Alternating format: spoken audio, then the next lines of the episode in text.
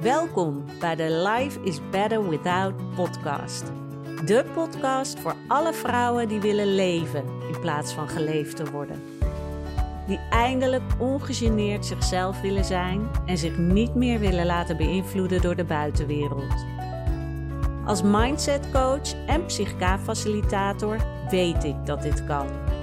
En daarom deel ik in deze podcast al mijn tips en inzichten op het gebied van mindset, zelfliefde, spiritualiteit en het creëren van een leven dat wel past bij de persoon die jij bent. Dus ben jij klaar met al je angsten, onzekerheid en die continue stroom aan negatieve gedachten? Blijf dan luisteren. Want ook jij kan weer genieten en in charge zijn van jouw leven.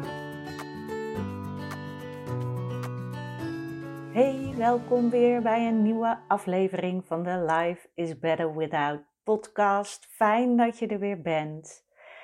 En ik um, zat te denken van waar zal ik een podcast over opnemen?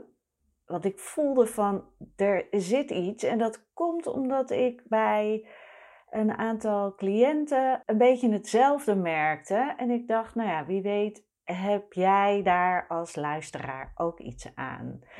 En het ging erom dat een aantal mensen een beetje een terugval ervaarden.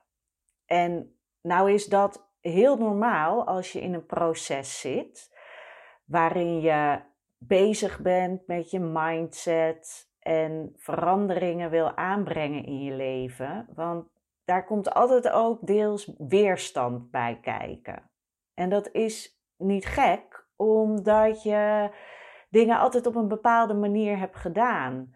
Dus je ego of je copingmechanisme, die denkt: hé, hey, hallo, ik weet niet hoor, maar uh, waarom ben je nu dingen anders aan het doen dan eerst? Ik was toch altijd heel goed bezig met je veilig te houden en je goed te voelen. En nu ga je ineens dingen anders doen. Dat is niet de bedoeling. En dat is uh, natuurlijk op zich heel aardig van je, van je ego. Alleen, ja, je wint er niks mee. Want je wordt weer teruggegooid in je oude gedrag en je oude denkpatroon. En als je je niet bewust daarvan bent, ja, dan zit je zo weer terug in je oude gedrag en voel je je ellendig. Alleen voelt het vaak zo van, oh zie je wel, wat ik nu allemaal aan het doen ben, dat werkt niet, want ik voel me ellendig en naar en dit schiet dus niet op. En dat maakt het zo tricky, want daarmee creëer je een gevoel van, oh zie je wel, het lukt mij toch niet, het werkt niet bij mij, ik stop ermee.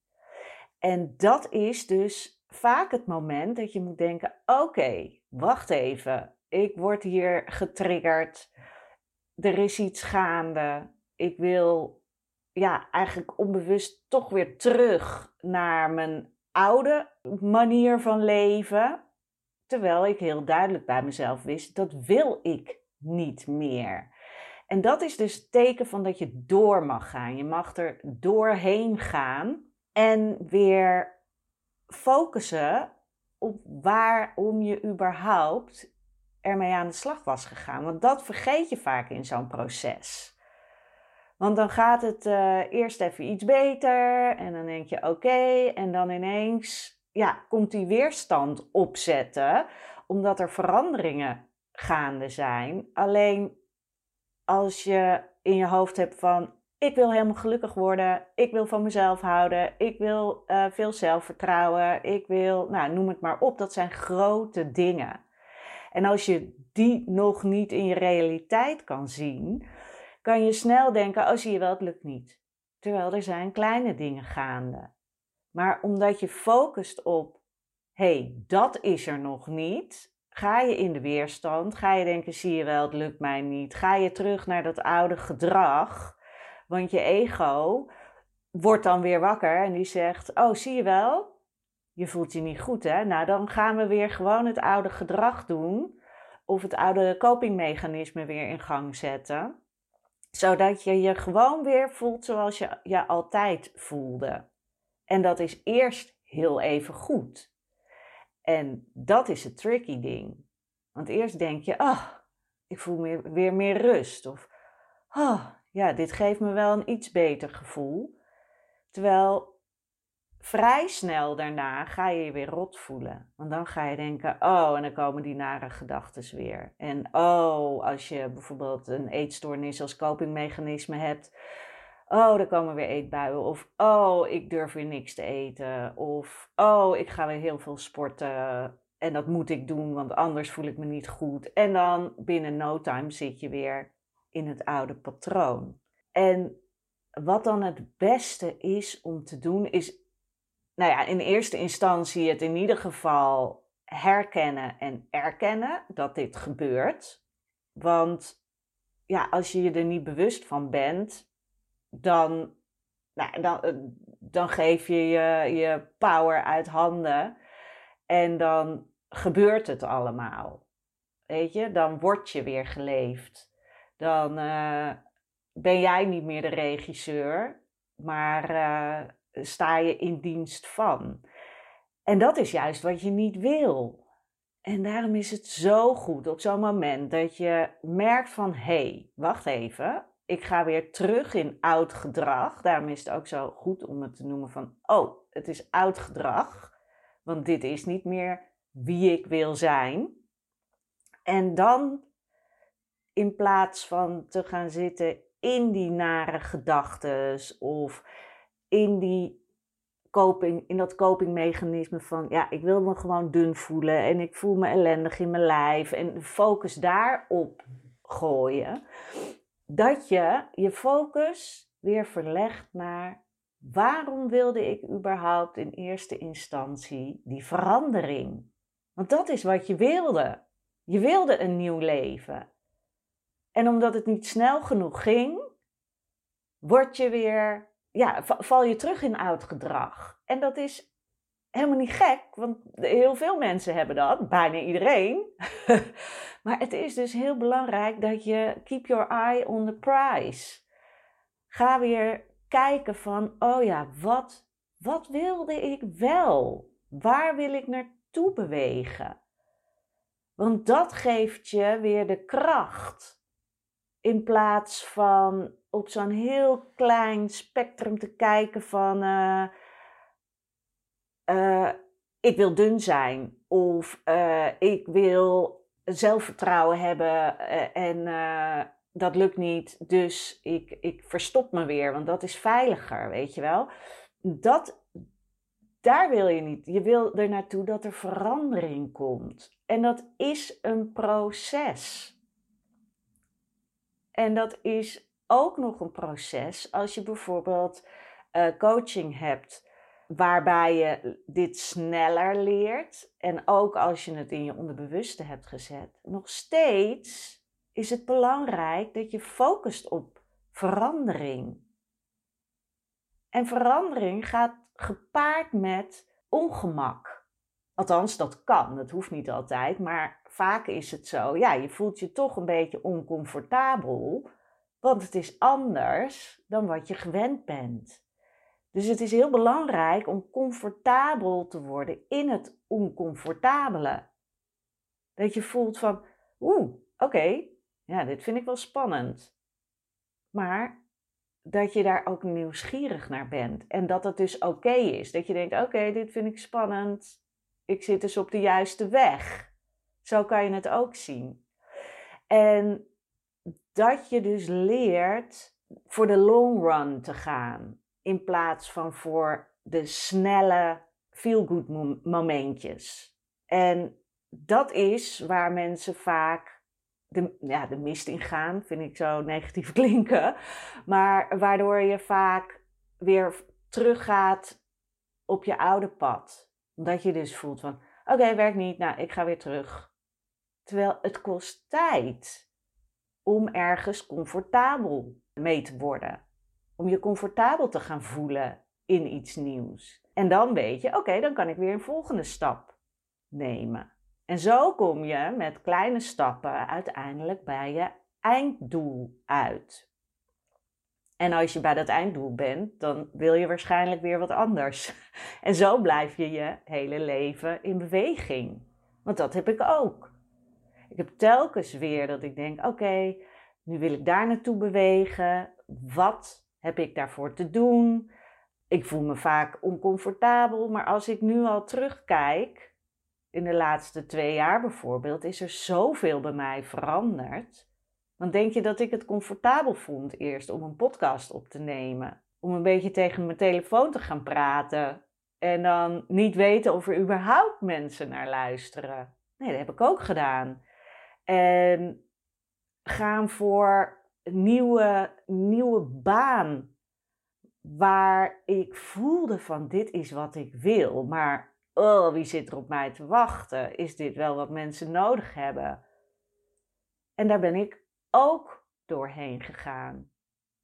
En nu merk ik, ja, zie je wel, dit is wat ik het meest fantastische vind om te doen. En zo blijf je die stappen nemen. Want als ik nooit stappen had genomen, had ik zelf nog steeds een eetstoornis gehad. Was ik in mijn werk niet verder gekomen. Was ik waarschijnlijk in een burn-out terechtgekomen als ik niet telkens toch een keuze had gemaakt wanneer ik voelde bij een baan van oké, dit voelt niet meer goed, ik ga ermee stoppen. Als ik dat niet had gedaan, dan was ik blijven hangen, was ik zeer waarschijnlijk in die burn-out terechtgekomen. Als ik die stappen niet had genomen, was ik nog steeds die enorme pessimist die ik vroeger altijd was. En ik kon daar best om lachen en harde grappen over maken, maar puntje bij paaltje voelde ik me altijd ellendig omdat ik toch dacht van, nou, ik kan toch niks. Niemand zit op mij te wachten. Een soort van mantra was vroeger, niemand houdt toch van me. Weet je? En dat is niet waar je je beter door gaat voelen. En juist door telkens die kleine stappen te nemen, ben ik gekomen waar ik nu ben. En dat kan jij dus ook. Door die keuzes te maken, die oncomfortabel voelen, omdat het nieuw is, maar waarvan je wel diep van binnen voelt, oh, ja, dat wil ik ook. Daar wil ik naartoe bewegen. En door telkens, wanneer je voelt van, hé, hey, ik stap terug in oud gedrag, ik voel me weer net zo ellendig als eerst, ik heb een terugval, ik doe weer wat ik eerst deed, en daardoor krijg ik wat ik altijd kreeg als je dat merkt, ga dan weer terug naar: oké, maar wat wilde ik ook alweer wel? Hoe wil ik me voelen? Wie wil ik zijn ook? Wil jij een slachtoffer zijn van je eigen situatie? Of wil jij die volwassen versie zijn van jezelf? En het leiderschap nemen en de verantwoordelijkheid nemen en zeggen: nee, hier wil ik naartoe bewegen. En ik ga niet afwachten tot iemand anders wat voor mij gaat doen. Nee, ik neem zelf het voortouw. En dat is super lastig, maar als jij ervoor kiest om dat te doen, dan ga je zo enorm veel stappen zetten. Dus gun jezelf dat ook. En je mag je, het is helemaal niet erg als je terugvalt in oud gedrag, maar merk het op. En zie het als een signaal van, Oké, daar gaan we weer. Nou mag ik weer een nieuwe hobbel over. Want zo voelt het. En dat heeft mij ook heel erg geholpen. Want vroeger was het zodra ik voelde van, nou, ik voel me weer ellendig. Was er ook een soort van, oké, dingen komen te dichtbij. Ik weet niet wat ik hiermee moet. En dan ging ik stoppen. Dan trok ik de stekker eruit en dan dacht ik, oké, laat maar. Dit werkt dus niet. Ik stop ermee. En dan was ik weer, nou ja, nooit helemaal terug bij af, maar niet waar ik wilde zijn. En pas toen ik ging beseffen van, hé, hey, ik moet dit zien, het, het willen stoppen, bijvoorbeeld met een coaching of met therapie, uh, zo van, ik wil stoppen, dat was voor mij op een gegeven moment een teken, oké, nu moet ik doorzetten. Want er zit iets, er zit een angst dat het misschien niet gaat lukken. En dat was trouwens ook met bepaalde opleidingen die ik heb gedaan. Vroeger ging ik dan stoppen. Dacht ik, ah, is toch niks voor mij, ik ga weer wat anders doen. Tot op een gegeven moment ik dacht, oké, Ik voel weer heel duidelijk dat ik wil stoppen. Er zit weerstand, er zit weet ik het wat. Het voelt oncomfortabel. Ik kan dit niet. Ik wil dit niet. En toen dacht ik: Oh, wacht even. Dit is dus het moment dat ik door moet zetten. En dan maar durven falen als het niet lukt. En 9 van de 10 keer lukt het dan juist wel omdat je voelt van nee, dit wilde ik gewoon. Ik ga ervoor. En ik zie wel waar het schip strandt. Dus dat is wat ik je gun. Als jij in een, in een terugval terechtkomt, dat je gaat kijken naar, oh ja, maar wat waren mijn dromen? Waar wilde ik naartoe? Wat wil ik voelen? Wie wil ik zijn? En daar die focus op leggen. In plaats van op het gevoel waar je nu in zit. Want dat is echt mogelijk. En heb je nu zoiets van, ja, allemaal leuk en aardig, maar ik zou er wel wat hulp bij kunnen gebruiken. Weet dat ik er voor je ben. Je mag me altijd een DM sturen en op mijn website zie je de mogelijkheden voor coaching.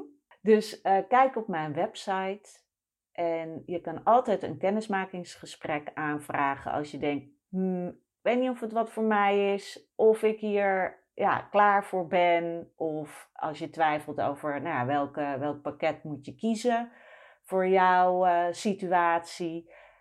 Kennismakingsgesprek is gewoon gratis. En dat is ook zodat nou, ik jou leer kennen en jouw situatie. En dat jij mij ook nog extra vragen kan stellen als je die hebt. En dat we kunnen bekijken van oké, is dit inderdaad voor jou? Of is er misschien ja, iets anders voor jou uh, eerder van toepassing? En dan zal ik dat ook eerlijk zeggen. Dus um, op mijn website vind je hier alle informatie over. Ik dank je wel weer voor het luisteren. Als je deze podcast fijn vindt, dan zou je me heel erg helpen om de podcast een aantal sterren te geven.